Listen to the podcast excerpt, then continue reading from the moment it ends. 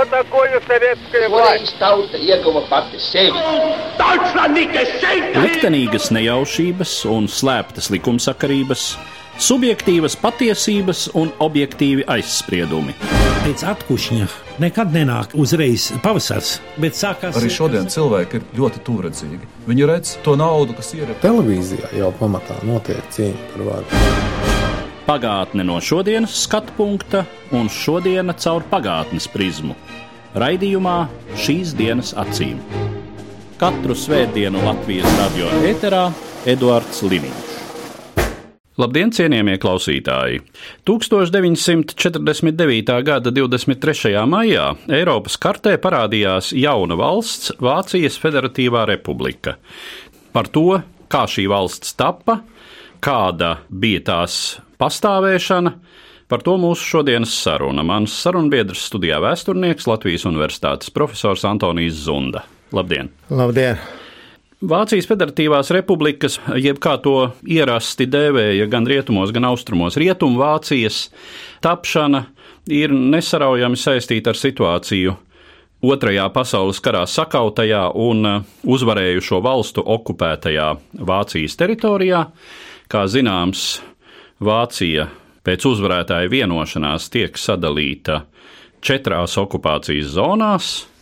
Austrumos tā ir padomju zona, un vēlākajā Vācijas Federatīvajā republikā, jeb Rietumvācijā, tās ir Britu, amerikāņu un franču okupācijas zonas. Nu, vēl var pieminēt, ka arī Berlīna tiek sadalīta tāpat četrās okupācijas zonās. Un sākotnēji, kā zināms, nav plāna, ka izveidosies šādas divas Vācijas daļas. Vispirms varbūt par to, kādi bija uzvarējušo valstu viedokļi par to, kas tad notiks ar karā sakauto Vāciju. Jā, nu jums taisnība tiešām tādā versijā, ka Vācija sadalīšana divās naidīgās pretim stāvošās valstīs pēc 1949. gada šādas versijas, tad kara beigu posmā nepastāvēja. Vienīgais, varbūt, par ko sabiedrotie konsekventi vienojas, ir tas, ka vajadzētu Vāciju okupēt un sadalīt okupācijas zonās. Un tālāk jau katrai valstī kā bija savs scenārijs, kurš varbūt nebija tā detalizēti izstrādāts, bet viņš tomēr bija. Es gribētu sākt varbūt, ar avisēto valstu pieeju. Tur tāds finanses ministrs Morgantau bija, un viņš vispār piedāvāja tādu ļoti drastisku Vācijas problēmas risinājumu pēc otrā pasaules kara beigām. Viņš teica, ka Vācija vainīga ar izraisīšanā holokaustā. Morgantau pats bija ebrejs. Līdz ar to jārīkojas ļoti nežēlīgi, tāpat kā viņi rīkojas tātad pret pārējiem pilsoņiem un valstīm Eiropā. Viņa plāns bija sekojušais Vāciju sadalīt, lai Vācija vispār vairāk nepastāv kā valsts, tātad nākošais izsūtīt daļu vāciešu no Vācijas, piesim, veidot kaut kāds darba nomets, tad, tad izturēties ļoti nežēlīgi, varbūt necivilizēt, teiksim tā. Bija savs plāns Lielbritānijā, bet tas arī bija konkrēti Čerčilam. Čerčils teica, nu varbūt mēs nevaram atkārtot Pirmā pasaules kara kļūdu, tātad, ka Vācija tika kā nospiest uz ceļiem, un tas noved pie revanša, un no otrā pasaules kara varbūt vajadzētu demilitarizēt Vāciju, kā es teicu, nošaut apmēram 400-500 vadošos militāristus, kas it kā vainīgi pie kara izraisīšanas, un tad vienoties bez šaubām par vienotu Vāciju kā valsti, kuru kontrolēt starptautiski PSRS. Ar šāds plāns bija, teiksim, ļoti vispārīgs, vismaz uz ārienu bija zināms. PSRS uzskatīja, ka Vāciju vajag okupēt, ka Vācija vajag maksimāli ekonomiski, politiski, militāri novināt, tā lai tā nekad nevarētu apdraudēt padomu saimnībai kā cita Eiropas valsts. Bet tiešām vēlreiz gribētu uzsvērt, ka ne 44. ne 45. gadā pēc Potsdamas konferences nerunāja par to, ka veidos divas Vācijas, ka vācieši sadalīs kā nācija divās pretim stāvošās naidīgās valstīs. Tas notika ļoti vienkārši iemeslu dēļ, tāpēc, ka sabiedrotie pēc otrā pasaules kara beigām vairāk nebija sabiedrotie 46. gadā, bet vēl vairāk 47. gadā sākās augstais karš pretimstāvēšanas starp rietumiem, austrumiem, konkrēti ASV, PSRS visvairāk, un līdz ar to tad, tad viss tas aizgāja savu gaitu, kā mēs to jau zinām. Kādas bija aktivitātes un virzības pašā Vācijā? Nu, galu galā Vācijā bez nacistu politiskās elites un šīs nacistu konjunktūras, taču pastāvēja tomēr arī citi politiskie spēki, Jā, tiešām varētu tā teikt, bet bez šaubām mums vajadzētu atcerēties to, ko jūs jau teicāt sākumā, ka beidzoties karam Vācija tika okupēta, viņi tika sadalīti četrās okupācijas zonās. Viss tas, kas tur notika, tas bija strikti diezgan kontrolēts. Galavārds piederēja šeit okupētāju valstīm attiecībā uz savu zonu un tās attīstību, nevis pašiem vāciešiem. Ja runājam par šiem priekšlikumiem, projektiem un politiķiem, kas tajā iesaistījās, mums varētu uzreiz nosaukt Konrādu Ādnāru, kas tiešām nacis režīmu laikā bija ciets Viņš bija tam ķelnis gubernators, nacis laikā viņa atcēla, jo viņš 33. gadā, kad Hitlers brauca uz ķelni, atteicās izkārt Hitlera portrets un sarīkot tādu pompozu uzņemšanu, pa to viņu uzreiz nomet no ķelnes gubernatora. Viņš bija tas, kas mēģināja sākumā amerikāņu zonā, pēc tam ķelne pārgāja angļu zonā, un ļoti interesanti, ka es teicu, ka sabiedrotie visu lēma, jo sākumā ķelne bija amerikāņu zonā, pēc tam aizgāja angļu zonā, un amerikāņi iecēla Konrāda Adenaura par ķelnes gubernatoru pēc kara beigām pāriet Angļu kontrolē šī pilsēta, Angļu atceļ viņa. Tā kā, lūk, vāciešiem te nepiederēja galavārds, bet Konrads Adenauers iestājās par demokrātiskas Vācijas atjaunošanu, ka vajadzētu notikt Vācijas denazifikācijai, lai Vācijas sabiedrība tiktu attīrīta, tie bija viņa vārdi, un lai demokrātiskā denificētā Vācija varētu ienīkt cienīgu vietu Eiropas valsts saimē. Tas bija Konrāda Ādnāru iedoks, un viņš uzskatīja, ka to var tikai panākt tādā veidā, Ja jaunā Vācija atgūs uzticību Eiropas valsts acīs, konkrēti Francijas acīs, ASV, Lielbritānijas acīs, tikai tad būs iespējams šāds scenārijs. Ja runājam par kreisiem politiķiem, tad šeit varētu nosaukt Viliju Brantu, kas eh, tiešām arī bija cietis no nacis režīma, viņš bija spiests emigrēt uz Norvēģiju, tad, kad Norvēģija okupē, viņš aizbēga uz Zviedriju.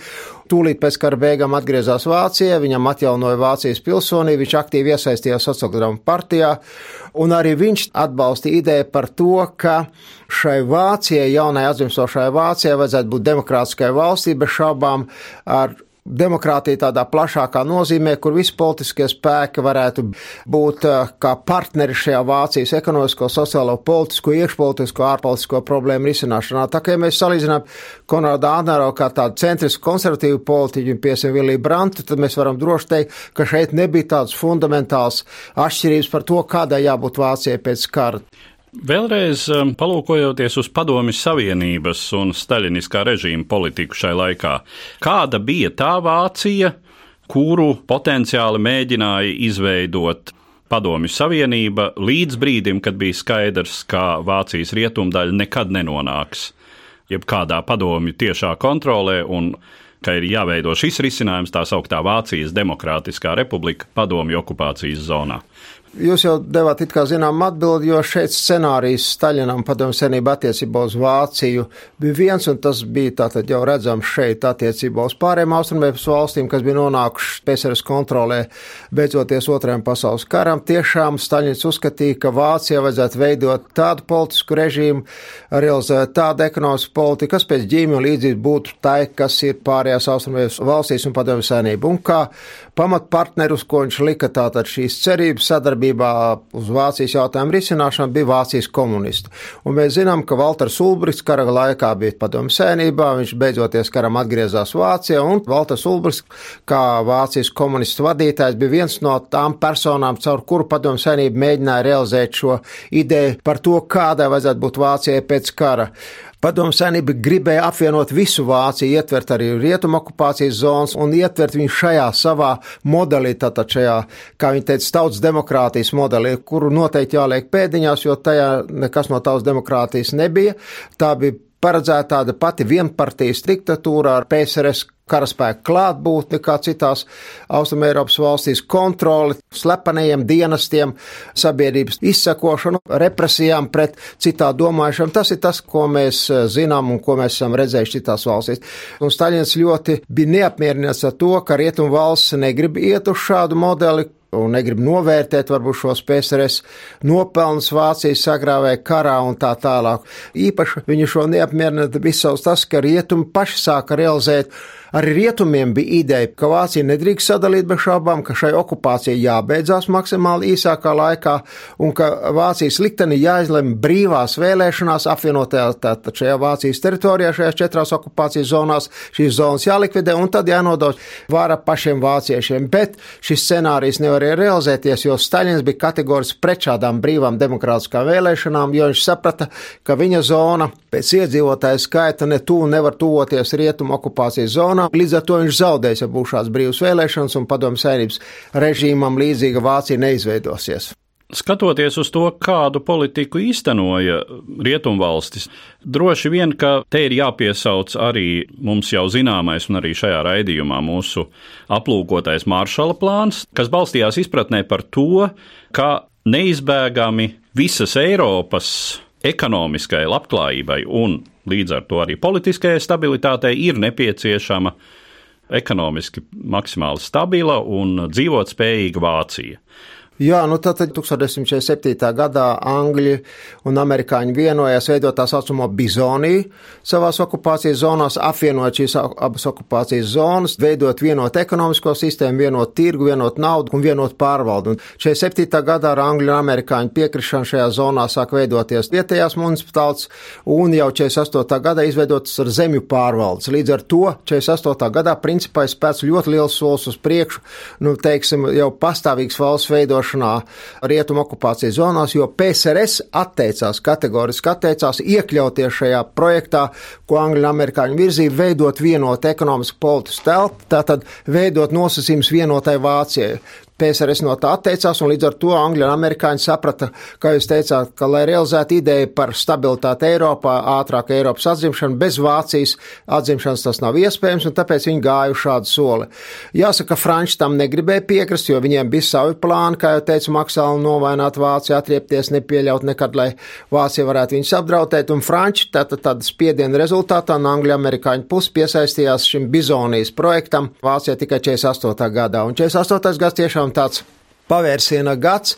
Vācijas Federatīvās republikas izveidē tāpēc, ka 1948. gada sākumā Londonā notiek liela konference, kurā piedalās franči, angļi, amerikāņi un trīs Benelux valsts - Beļģija, Nīderlanda, Luksemburga, un tur vienojās par to, ka tiešām jārealizē saskaņota politika šajās rietumu okupācijas zonās, jāliek pamati Vācijas atzimšanai, un pieņemot to, ka austrumu okupācijas zona ar PSRS tātad negrib iesaistīties šajā projektā, un tie paliks ārpusē. Tā tāda bija šī realitāte, pie kā viņi nonāca 48. gadā, un tiešām 48. gadā pēc šīs Londonas konferences arī pieņem lēmumu izveidot Vācijas parlamentāro padomu, tā sāk izstrādāt pamatlikumu, lai sagatavotu juridiskos pamats šīs valsts valsts izveidēja Vācijas Federatīvā republikai vai Rietumvācijai. Kāda tad veidojās šī Rietumvācija atšķirībā no tā, kāda bija pirmskara Vācija? No administratīvi teritoriālās uzbūves, no konstitucionālā modeļa, nu arī jautājums droši vien par to, kā par Vācijas galvaspilsētu kļuva salīdzinoši maza pilsētiņa, Bonna. Jā, nu, Bonna tika izvēlēta, ja par galvaspilsētu runājam, tāpēc, ka tā bija maksimāli tālu no šīs austrumu okupācijas zonas, un tādā veidā, nu, tā tad mēģināja nodrošināt šīs galvaspilsētas drošību, bet runājot par šo konstitucionālo un, teiksim, tādu juridisko pusi, vajadzētu atzīmēt to, ka pamatlikumā tā sauc šo Vācijas Federācijas Republikas konstitūciju bija noteikts, ka Vācijas Federatīvā republika Republika būs demokrātiska federāla valsts. Tātad viņi sastāvēs no zemēm, 11 zemēm, un līdz ar to tad būs divu līmeņu pārvaldes. Būs federālais līmenis un būs zemju līmenis. Vācu federālām zemēm bija piešķirta liela patstāvība, viņām bija savu parlamentu, savas valdības. Nākošais, varbūt, ko runājam par Vācijas Federatīvo republiku, vajadzētu uzsvērt, ka šeit tika aizliegta komunistiskā partija, veidojas daudzpartiju politiskais modelis, bija tāds centra partijas, konservatīvās partijas, tātad bija arī kreisās partijas. No kreisām partijām vajadzētu atzīmēt reiz sociāldemokrāts, kas bija diezgan populāra sabiedrībā, no tādām konservatīvām labējām, tas ir kristīgi demokrātiskā un kristīgi sociālā partija, viņi vairāk tomēr tāda centriska partija. Tālāk vajadzētu atzīmēt brīvos demokrātus, kā oficiāla politiska partija. Vēlāk parādās tāda partija kā zaļie, bet uh, pamatos, ja mēs skatāmies tātad Vācijas tapšanu, tur ir divām lielām partijām liela nozīme. Tie kristīgie demokrāti un kristīgi sociālā partija, kā viņi sabiedrotie, un tātad Vācijas sociāldemokrāti, kas it kā nu arī simbolizē zināmā mērā nosacīt šo divpartiju modeli Vācijā, jo vairāk vai mazāk, ja mēs skatāmies visu pēckara periodu, šīs partijas arī veido šo valdības kodolu, vai arī ar vienpartijas valdību visā šajā septiņus gadu periodā.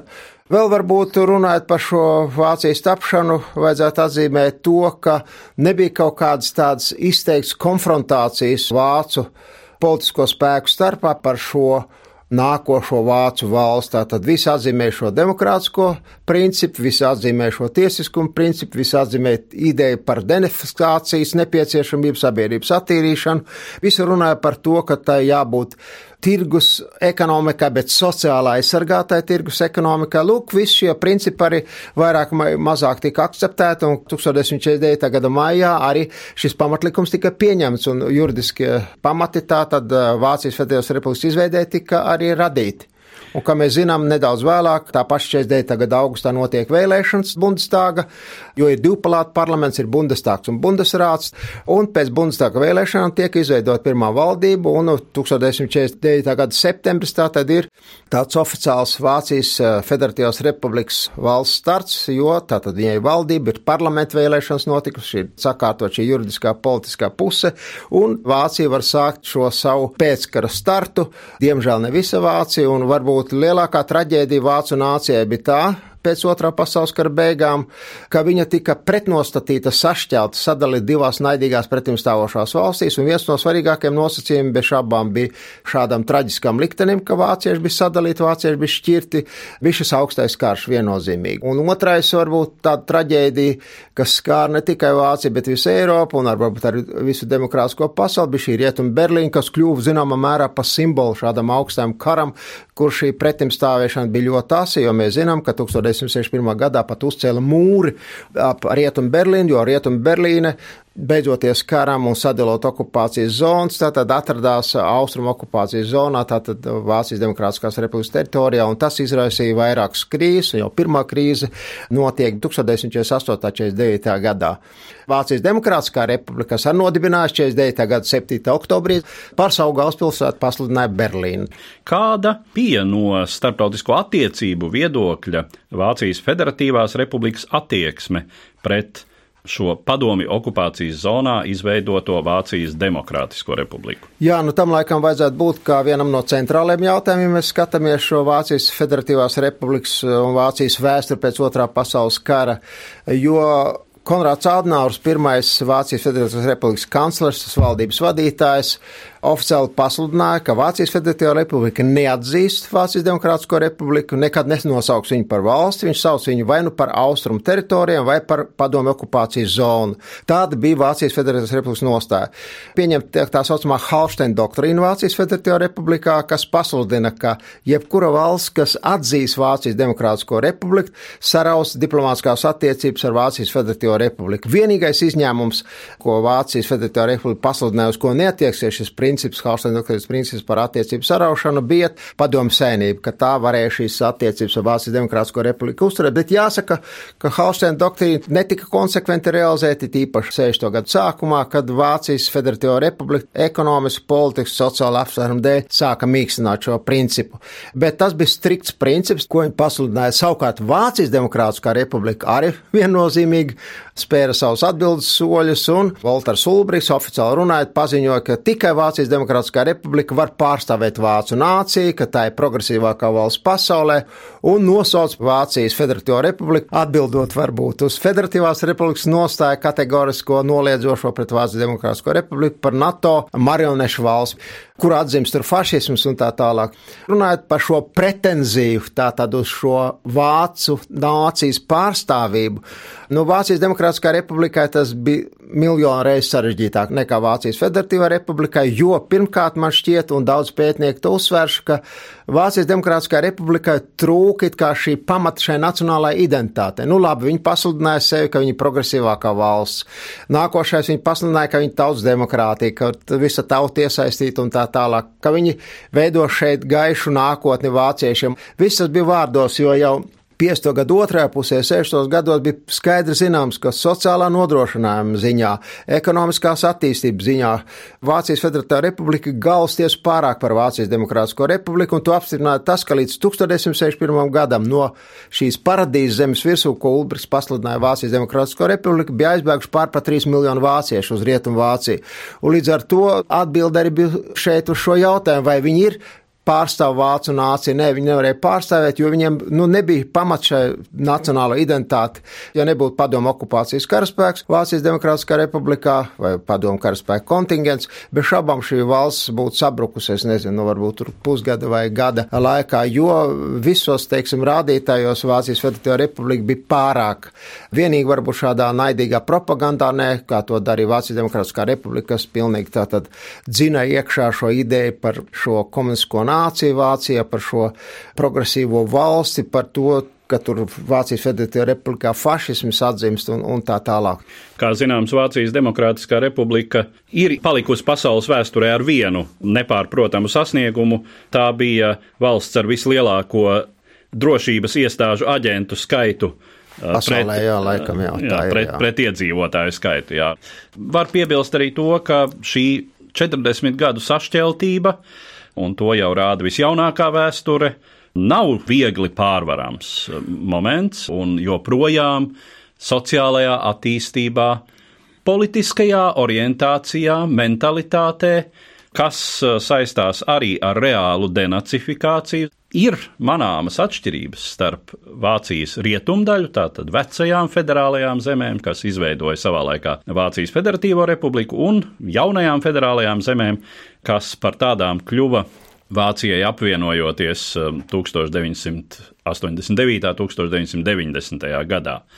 Pašam esot Vācijā un veidojot pāris intervijas par šiem tematiem, tāds moments, kas arī izskanēja, ka nu, faktiski otrā pasaules kara un šīs 40 gadu ilgās eh, demokrātiskās Vācijas pastāvēšanas rezultāts bija tas, ka šī Vācijas austrumu daļa, kādreizējā tā sauktā Elbas Vācija, vecās Prūsijas valsts kodols ar Berlīnu un Brandenburgu, tālu atpalika no rietumdaļas, un tad apvienojoties, Tā kļuva par otršķirīgo Vāciju, par tādu vecu trābantu, kuru jauns un spožs Mercedes velk sev pakaļ piesietu saitē, un uh, lielā mērā šī ļoti saudabīgā un interesantā un no Vācijas rietumdaļas vēsturiski atšķirīgā Elbas Vācija, Saksija, Brandenburga ir zināmā mērā zudusi, palikusi vēsturē. Runājot par notikumiem desmitgadēs pēc otrā pasaules kara, kurā brīdī rietumu sabiedrotie kara uzvarētāji iekļauj Vāciju šajā rietumu valstu militāri politiskajā konstelācijā, kā NATO dalību valsti, nu un tad arī kā topošās Eiropas Savienības vienu no konstituējošajiem elementiem. Mēs varam teikt, ka jau 1952. gadā Konrāds Adnauers saprata, ka viens no jautājumiem, kā Vācija varētu atgūt savu vietu Eiropā, kā viņi sākt atzīt pārējās valsts, kā viņi tiktu uzņemti šajās ekonomiskās, politiskās struktūrās, kāds izveidot šajā pēckara kārtībā Eiropā, ir izlīguma ceļš, uzticības ceļš ar šīm valstīm. Viņš pievērsa lielu uzmanību Francijai, kā mūžīgai simtgadīgai ienaidniecei, kas bija ar Vāciju vienmēr karojis un kur kara iemesls gan pirmajam, gan otrajam karam, tātad saistīts ar Vācijas, Francijas pretimstāvēšanu vienmēr bijis. 1963. gada janvārī tiek noslēgts tā saucamais Elizejas līgums, izveidot Parīzes Bonsas, kas bijušos ienaidnieks padara par ciešiem sabiedrotiem. No 63. gada Francija un Vācija tad kļūst par ciešiem sabiedrotiem.